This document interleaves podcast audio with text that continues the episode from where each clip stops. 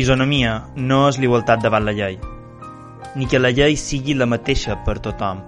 Isonomia és que tots tenim el dret i el deure a l'activitat política, és a dir, a no ser mai dominats i a sempre tenir l'espai on poder i haver de parlar amb els nostres iguals. El dret i el deure de ser ciutadans lliures.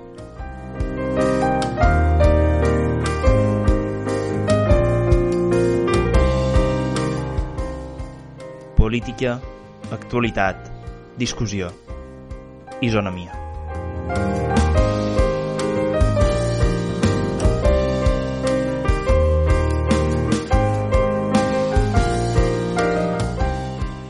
Bon dia a tothom.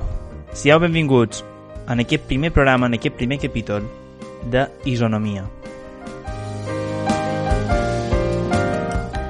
Avui és el primer programa que fem i estem molt orgullosos que ens podeu acompanyar aquí. Aquest programa, pels que no hi ho sapigueu encara, consisteix en simplement anar a l'arrel de les notícies més d'actualitat i intentar explicar conceptes claus que s'amaguen darrere les notícies des d'un punt de vista politològic i teòric, és a dir, intentar desgranar una miqueta els fets per així treure causes i conseqüències de tot plegat.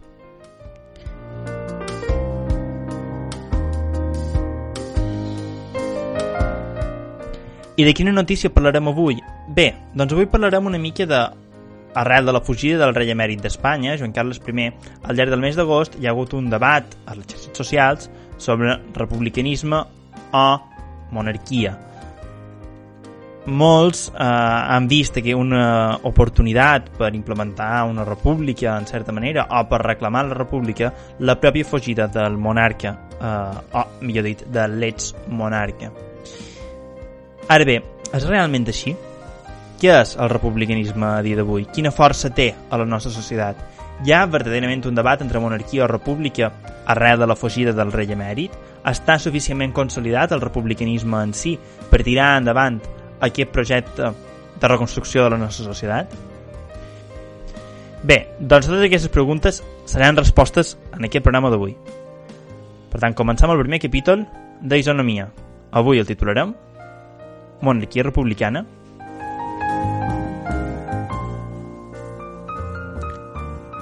Comencem pels fets. Joan Carles I marxa d'Espanya a principis d'agost. Prèviament, és evident, no marxa per caprici. En certa manera podríem dir que sí. Però en veritat marxa perquè senzillament l'han agafat amb un frau fiscal enorme a les arques de l'Estat, així com també favors a amants i, evidentment, tot bé s'aconseguís de manera obscura o fraudulenta d'estats que en podríem catalogar de poc democràtics, per no dir gens democràtics. Bé, doncs aquesta situació a la qual el nostre rei emèrit eh, es veu forçat a haver de fugir per salvar la, la monarquia, té tres reaccions a l'esfera política. La primera és desvincular el pare del fill, és a dir, separar la persona de la institució. Aquesta és l'estratègia que millor representa el Partit Socialista.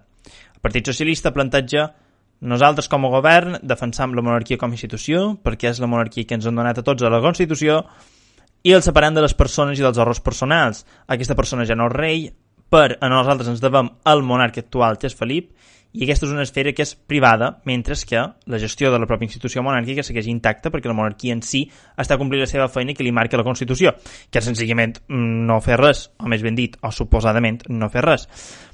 Llavors exploraré altres postures. Les altres dues reaccions són les que sí vinculen la figura amb la institució. La primera per elevar-la, que seria la posició més de la dreta. Joan Carles I ha fet els seus errors, però no, no desmereixer tota la magnífica feina que ha fet. La monarquia és la que ha duit la democràcia a Espanya. I aquí es cau també en contradiccions que, tot i que siguin sectors de, de la dreta, també han fet determinats sectors de l'esquerra, fent correlacions un poc forçades, com per exemple Iceta va comunicar la sortida del rei dient han estat els millors 40 anys eh, de la història d'Espanya. Fent intentar correlacionar que la monarquia, en certa manera, és progrés, quan, si analitzem la història d'Espanya en el seu conjunt, i això és el que farem llavors a continuació, poden veure que aquesta correlació no és tan clara, que més ben dit podria ser conjuntural del règim polític democràtic que ens han donat i no tant del règim monàrquic en si. I llavors hi ha una altra postura, que és aquella postura que se posa en contra, i vincula la institució amb la figura de Joan Carles per argumentar que la monarquia és una institució caduca i que per tant necessitam un nou model, un model republicà, com el que teníem eh, abans de, de, de Franco i que Franco va deslegitimar, és a dir, la monarquia és hereva del franquisme i cada vegada que qüestionem qualsevol cosa del règim del 78 serveix per emmascarar en certa manera el franquisme i en certa manera eh, salvar la, una monarquia que realment es caduca i que és inseparable de les persones que la contenen. Això en una, monarquia, en una república democràtica no passaria.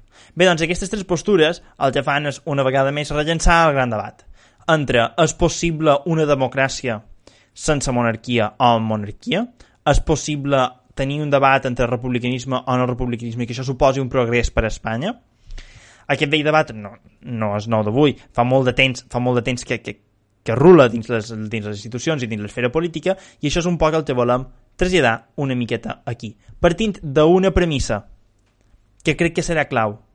El debat entre monarquia i república és un debat fals. El republicanisme és molt més que tenir rei o no tenir-ne.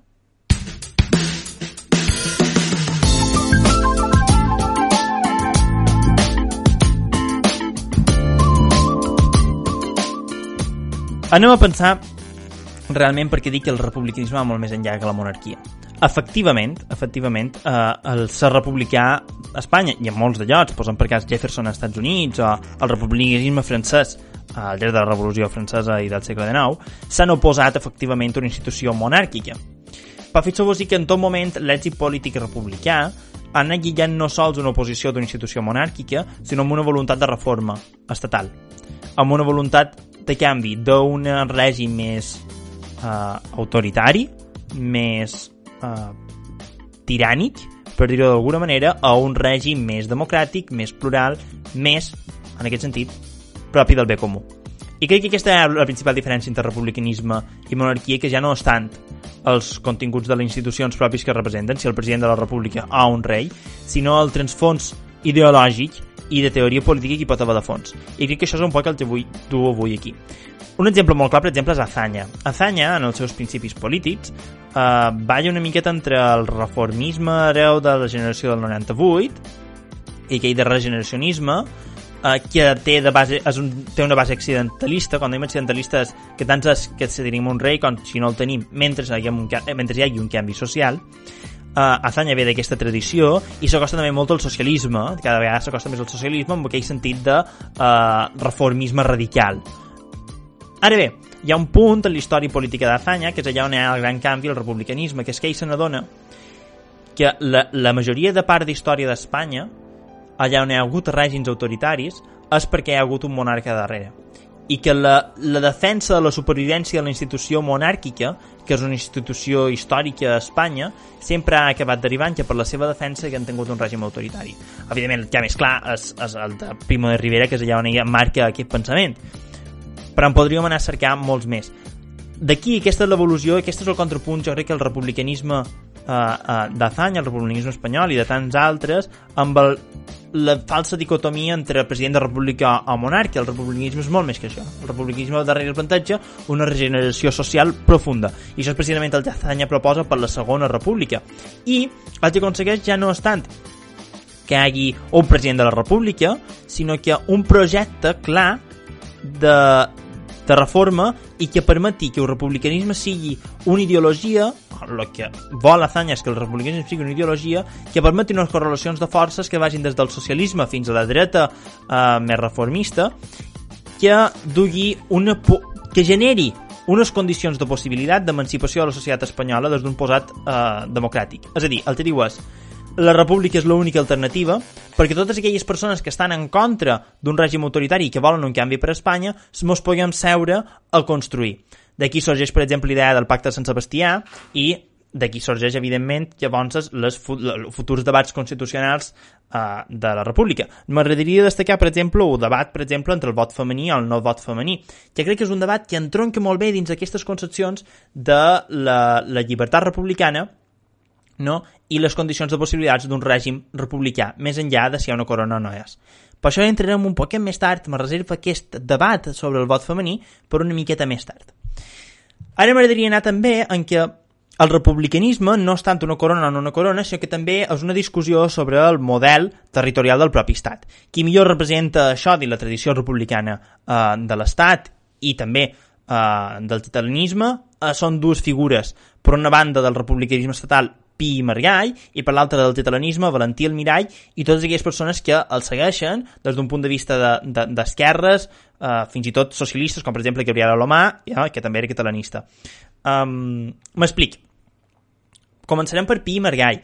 Pi Margall és un pensador que entén el republicanisme, entén el republicanisme que sols pot ser, entén que el republicanisme és l'acord, és un diàleg, és una llibertat que sorgeix d'un poder que no és imposat, sinó fruit del pacte. Per tant, si és fruit del pacte, els pactes s'han d'anar generant des de les esferes més baixes fins a les més superiors. Per tant, començarien des de la ciutat, ell ens diria, fins a les pròpies construccions estatals.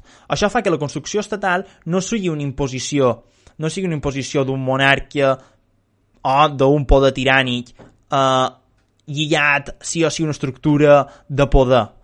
Ell diu que l'autèntic poder l'autèntic poder emancipatori de progrés que no frena la tradició, que no frena uh, uh, l'heteronímia, que fan el, els, els termes kantians, no? que permet l'autonomia personal, que permet el creixement com a societat, és aquell que se posa en pacte, i l'únic pacte possible, per tant, és des de les unitats descentralitzades, és a dir, des de les avui en dia diríem des de les pròpies nacions i regions d'Espanya, que entre elles se posen d'acord per construir qualcom en comú. Per tant, el republicanisme per primer, per primer gall és impossible imaginar-nos sense que sigui un republicanisme federal. Per aquesta idea de federació com a eina emancipadòria entre territoris i alerta també entre grups socials i entre les persones. Per tant, ell rep molt d'aquest federa, federalisme més propi, per exemple, de, de, de l'anarquisme de Proudhon.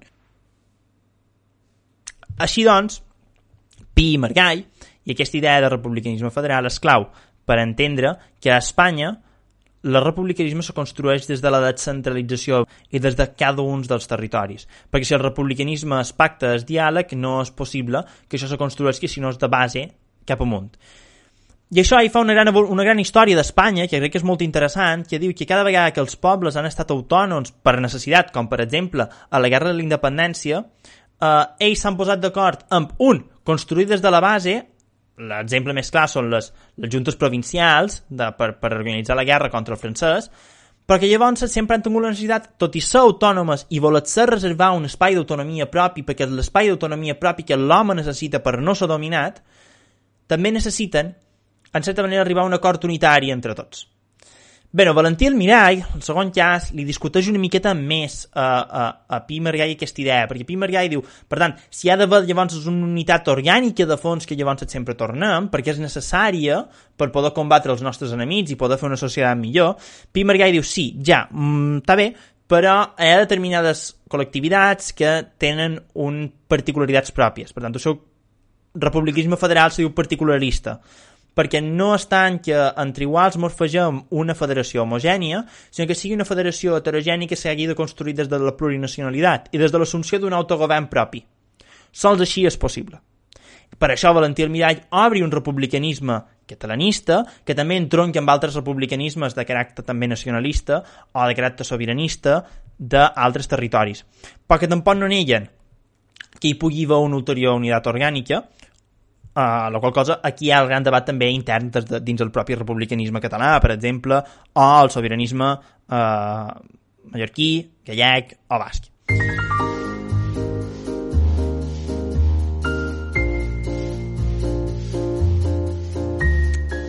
Per tant, el republicanisme ja veiem que és molt més que aquella simple concepció, que aquella simple concepció de monarquia o no monarquia.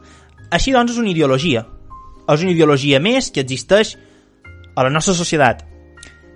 Per tant, on situam aquesta ideologia? Perquè, per exemple, si mirem en el nostre entorn, hi ha molts altra gent que se fa dir republicana. Per exemple, el general de Gaulle, general conservador, com n'hi ha hagut d'altre a França, i amb un caràcter bastant autoritari en determinats casos, però no havia molts, eh, tot i ser un valedor de la, de, de la cinquena república i ser un clar defensor de, de la democràcia, de Gaulle se feia dir republicà, i no acaba de concordar molt bé amb aquesta idea de pi de progrés, d'autonomia, d'espais de diàleg, de construcció des de baix. Ell no va construir la cinquena república d'aquesta manera.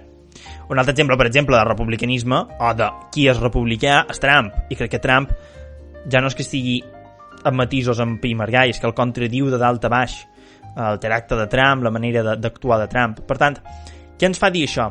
Que el republicanisme molt l'hem de concretar molt més. Una cosa, jo aquí el que faré serà agafar la, la tradició republicana, si és que vol dir qualsevol cosa, perquè és una tradició molt antiga i intentaré anar des dels seus orígens fins a dia d'avui a els seus principals axiomes o idees força. El republicanisme té origen, podríem dir quasi quasi, en la primera gran república que va existir, que és la República Romana. Moltes vegades solem pensar en Roma com a el gran imperi, però hem de tenir en compte que abans de l'imperi va haver una república i que fins i tot l'imperi no va ser res més més que i això segurament que el historiador m'ho faria el contrari, però no va ser res més que agafar les institucions republicanes i fer-les autoritàries pròpiament.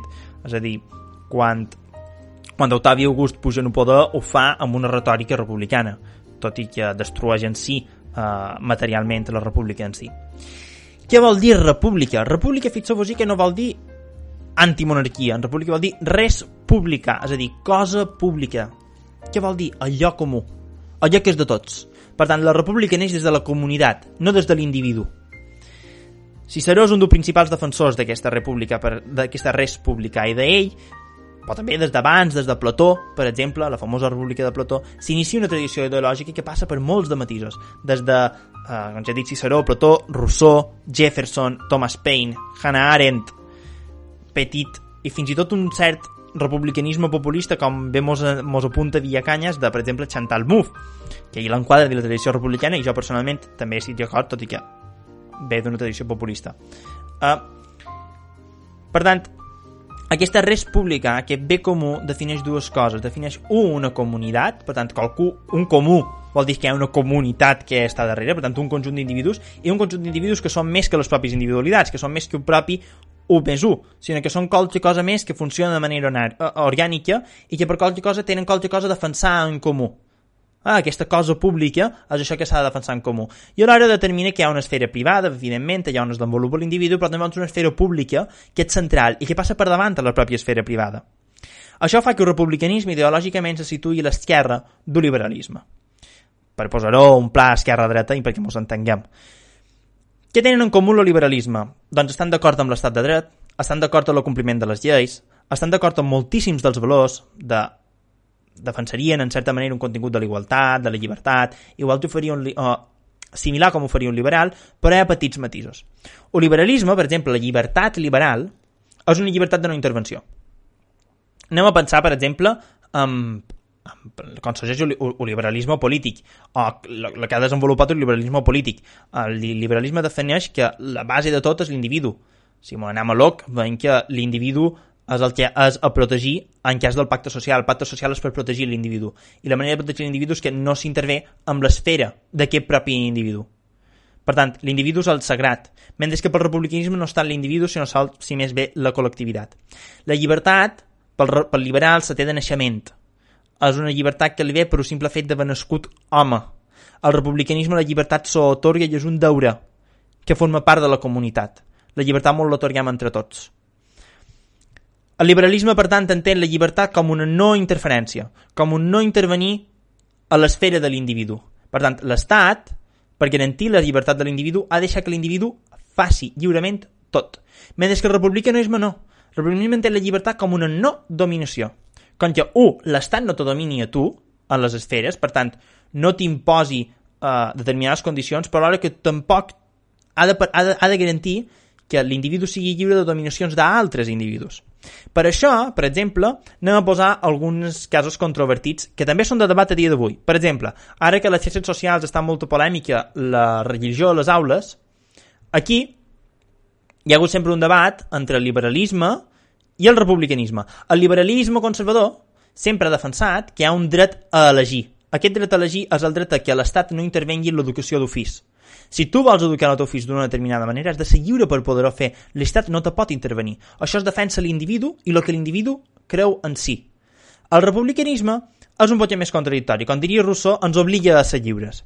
Ell diu, sí, però si aquesta educació que tu pots triar ha de ser la causa d'una dominació damunt l'altra, per exemple, que tu te puguis pagar una escola privada t'ha de servir per poder dominar a altra gent, o que aquest dret a elegir dongui prevalença a una religió damunt una altra i que per tant s'emergini determinades persones per aquella religió, fa que aquesta educació no sigui lliure per les persones que la tinguin. Per això, l'Estat el que ha de fer és obligar-te a una educació pública, laica, que te permeti que tots tinguem els mateixos accessos i partir tots, en certa manera, de zero. Per tant, la liberal, mentre que la liberal és una no ingerència en com tu eduques el teu fill, la republicana entén que una persona més possibles podrà tenir una millor educació i una persona amb determinat credo tindrà accés a una educació mentre que altres no. I això pot acabar desenvolupant en relacions socials de dominació. Això fa que el republicanisme cregui en una educació obligatòria. Per tant, un liberal diria que obligat a estar educat seria interferir des de l'Estat, mentre que un republicà diria que no, que és un deure, perquè la llibertat també és un deure respecte a l'altre, que no sigui dominat i donar-li els instruments perquè puguin ser lliures. Perquè si no, no hi ha llibertat possible. Un altre exemple molt clar és la, és la propietat. Per un liberal la propietat és sagrada, perquè és el que l'individu s'ha guanyat. Mentre que per un republicà no. Aquí l'exemple molt clar, per exemple, és Hannah Arendt. Hannah Arendt ens diu que la propietat és el que ens ha de servir per tenir una base per poder sortir a l'esfera pública. Per què? Perquè si vivim de la necessitat, és a dir, si no tenim propietat pròpia, és a dir, si no tenim riquesa pròpia, i ens veiem obligats a viure de la necessitat de, per exemple, haver de treballar moltes hores per poder subsistir, mai no podrem anar a la plaça a discutir sobre si volem una educació X o Y, si volem que s'aprengui una decisió política X o Y, perquè no tindrem temps, no tindrem, no tindrem les capacitats materials per poder-ho fer. Per tant, la propietat ha de ser la base per poder sortir a l'esfera pública. Ara bé, en el moment en què la propietat no és per sortir a l'esfera pública, sinó que s'instrumentalitza l'esfera pública per acumular la propietat, també se viu de la necessitat de la pròpia propietat. I la llibertat no és possible en cap de casos, perquè no hi ha diàleg i l'única solució possible, per tant, no és que hi hagi un poder, sinó un exercici clar d'una violència per haver dinamitat la pròpia esfera pública. L'esfera pública desapareix. Per tant, el republicanisme el que ha de fer és que no és que contradigui que no hi hagi de propietat, però aquesta propietat, per exemple, ha de ser distribuïda, perquè la desigualtat en si mos du a dominació. Qualsevol relació de desigualtat mos du a dominació. Fa que uns sí puguin prendre la decisió i els altres no. I per això un republicà no ho podria consentir.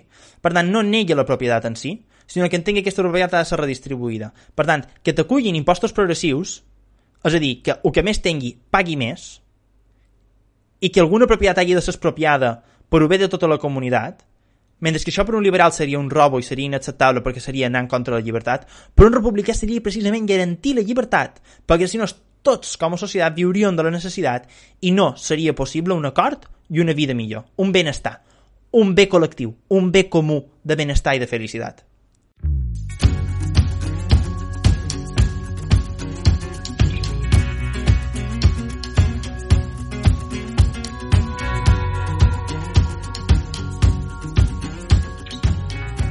Ara bé, també vos podeu fixar que aquesta propietat, que és la que ens diferencia el liberalisme o el republicanisme, també situa el republicanisme un poquet més a la dreta o més en el centre de, per exemple, el socialisme. El socialisme el que et diràs és que, perdona, la propietat no és un tema de privilegis, no és un tema de posició social. La propietat és un mitjà de producció, és una manera de produir que el que ens produeix a tots nosaltres és que sense abolir aquesta propietat siguem esclaus sí o sí. Per tant, per molt que tu redistribueixi la riquesa, això simplement és posar un parche a, a, a, a quan la roda se desinfla. Perquè la dominació seguirà sent-hi. Sempre hi haurà dominació. Perquè el mitjans, si no canvies els mitjans de producció i la manera com se produeix, és dir, si no volessis aquesta propietat d'aquest mitjans de producció, reiter, sempre hi haurà la mateixa manera de que aquells que estan a dalt puguin seguir dominant el que estan a baix i la roda de la necessitat sempre segueix aquí. Per tant, no hi hagi mai una capacitat de ser lliure. Per tant, mentre la diferència entre el republicanisme i el socialisme és aquest, mentre que el republicanisme se podria tancar més dins una línia reformista, fins i tot reformisme estructural, mai arribaria en aquest punt eh, del socialisme de fer un canvi de, la, de les relacions de la propietat de, de mitjans de producció. O no hi arribaria del tot reconeixen el problema de la propietat però no arriben. Per això, per exemple, el republicanisme actual defensa la renda social garantida, mentre que un marxista no l'accepta com a tal, perquè entenc que això no canvia realment les relacions que marquen tota la societat de relació de beauty.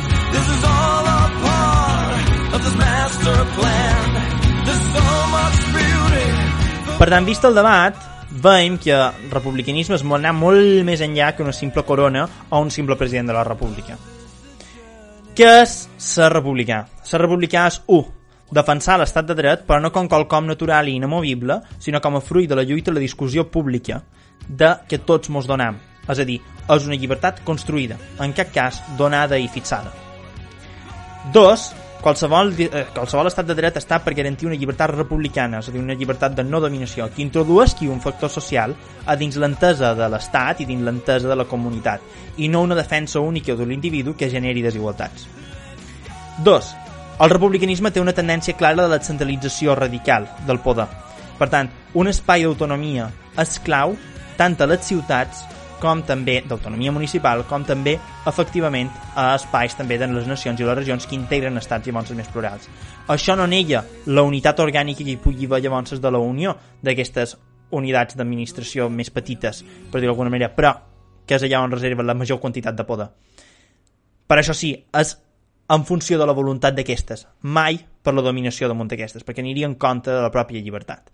Per això, un republicà també ha de defensar el dret de l'autodeterminació i de la sobirania pròpia. 3. La desigualtat és dominació. La desigualtat genera, en certa manera, que les diferències entre nosaltres facin que no siguin capaços de sortir en aquesta esfera pública en igualtat de condicions. I això és inacceptable. Per tant, és necessari, per exemple, mesures com, per exemple, la renda social garantida o mesures redistributives perquè aquesta esfera pública mai manqui i se mantengui, perquè sense esfera pública, sense poder discutir el que ens afecta a la nostra vida, no tenim democràcia. 4. L'educació és un pilar. Sense educació i la discussió pròpia damunt que ha de ser l'educació, no hi pot haver un canvi social. No hi ha un canvi social sense un canvi cultural. Per molt de canvis estructurals econòmics que facis, sempre retornaries en un punt inicial. Per això l'educació és un pilar que ha de ser obligatòria, pública, universal, per totes les persones i, evidentment, també laica i absenta d'opodets socials existents, si vol ser transformadora. 5. O si més no, abans 4, l'educació ha de ser redistributiva entre les comunitats, que integren tot aquell conjunt. 5. L'Estat està en un servei de la ciutadania. Això vol dir que hi ha d'haver canals de participació constant. El dret, el dret en si, per tant, ja no és qualcom que imposa damunt la societat, sinó que el dret el que s'ha de fer s'ha de convertir en un canal de procedimentalització perquè la gent pugui, on, pugui fer arribar les seves demandes a les institucions. Que és molt diferent de la procedimentalització privatitzadora, d'aquella externalització, d'aquella privatització de totes les esferes de l'Estat, sinó que és més bé que l'Estat conserva la majoria del poder, però és suficientment líquid per fer entrar la ciutadania dins les seves esferes. Per tant, hi ha un Estat, l'Estat és fort, però la gent hi entra a través d'un dret procedimentalitzador, però democràtic, en aquest cas privatitzador en mans dels individus que generen aquesta desigualtat. 6. El republicanisme demanda més participació. Demanda democràcia directa. El republicanisme és clar. No, entenc que hi ha diverses esferes allà on se puguin realment coordinar tots els poders perquè no et sols que cadascú decideix qui que seva tot el que vol fer de manera, de, de, de manera directa, sinó entendre que les decisions han de venir de baix cap a dalt, en totes les descentralitzacions estructurals, que cada nivell de govern ha de tenir una empresa de decisió diferents que garanteixi aquest estat de dret i que respecti les autonomies pròpies. Per tant, hi ha un moment representatiu, hi ha un moment de participació directa, però sobretot el que ha d'haver són moments de governança col·lectiva, de trobada en comú de diverses persones i diversos punts d'opinió per poder prendre decisions respectant aquella autonomia de tots. Per tant, ja no és tant una democràcia directa a la grega, sinó una democràcia representativa que integri mètodes de governança que permetin fer aquest accés ciutadà a dins les estructures de l'Estat. En conclusió, més enllà d'en Joan Carles, hi ha un republicanisme que encara està molt lluny de ser construït. A dia d'avui, l'esquerra dels nostres països està més a prop d'aquella concepció liberal i d'aquesta concepció individual i, a més a més, també d'una concepció més tradicional de les estructures de l'Estat, que no de l'Estat com una estructura descentralitzada, com un camp estratègic de les diverses demandes socials, com una societat que és un diàleg constant, és un poder relacional, absent de violència i fruit de l'acord, i alhora també està molt lluny d'aquesta concepció de la propietat com quelcom de diferencial. Per això el republicanisme avui en dia torna a estar molt de moda, però encara li falta construir-se molt. Per això dic que la fugida o no de Joan Carles no ens acosta més al republicanisme manco, perquè no han tingut un debat intent dins el propi republicanisme de què volem ser. Aquests sis punts que jo he destacat no els complim com a republicans, perquè simplement ens posam una corona. El que hem de fer és primer construir un republicanisme fort a partir d'aquests axiomes, d'aquestes idees força, i a partir d'aquí podrem discutir si la corona ens serveix o no ens serveix, i a partir d'aquí la podrem fer fora però transformant la societat de fons, sense quedar-nos com ens varen quedar el 36 sense aconseguir guanyar l'hegemonia cultural d'aquest país i realment poder-la transformar i que torni a haver un retorn autoritari. I que tampoc ens passi com abans que li va passar a Pi Margall, que les repúbliques simplement sigui un instrument dels poderosos per tornar a reforçar de dir, veus, els republicans són el caos, nosaltres som l'ordre, que hi hagi una restauració borbònica perjudicial per les llibertats de tots i de totes. Anem a aprendre de la nostra història, anem a construir un republicanisme entre tots, plurinacional, evidentment, i respecte fins i tot a l'autodeterminació de cada un dels seus pobles i sobiranista, evidentment, però també democràtic i de base. I sols així llavors es podran qüestionar la resta d'institucions. Si no fem això, no anirem més enllà.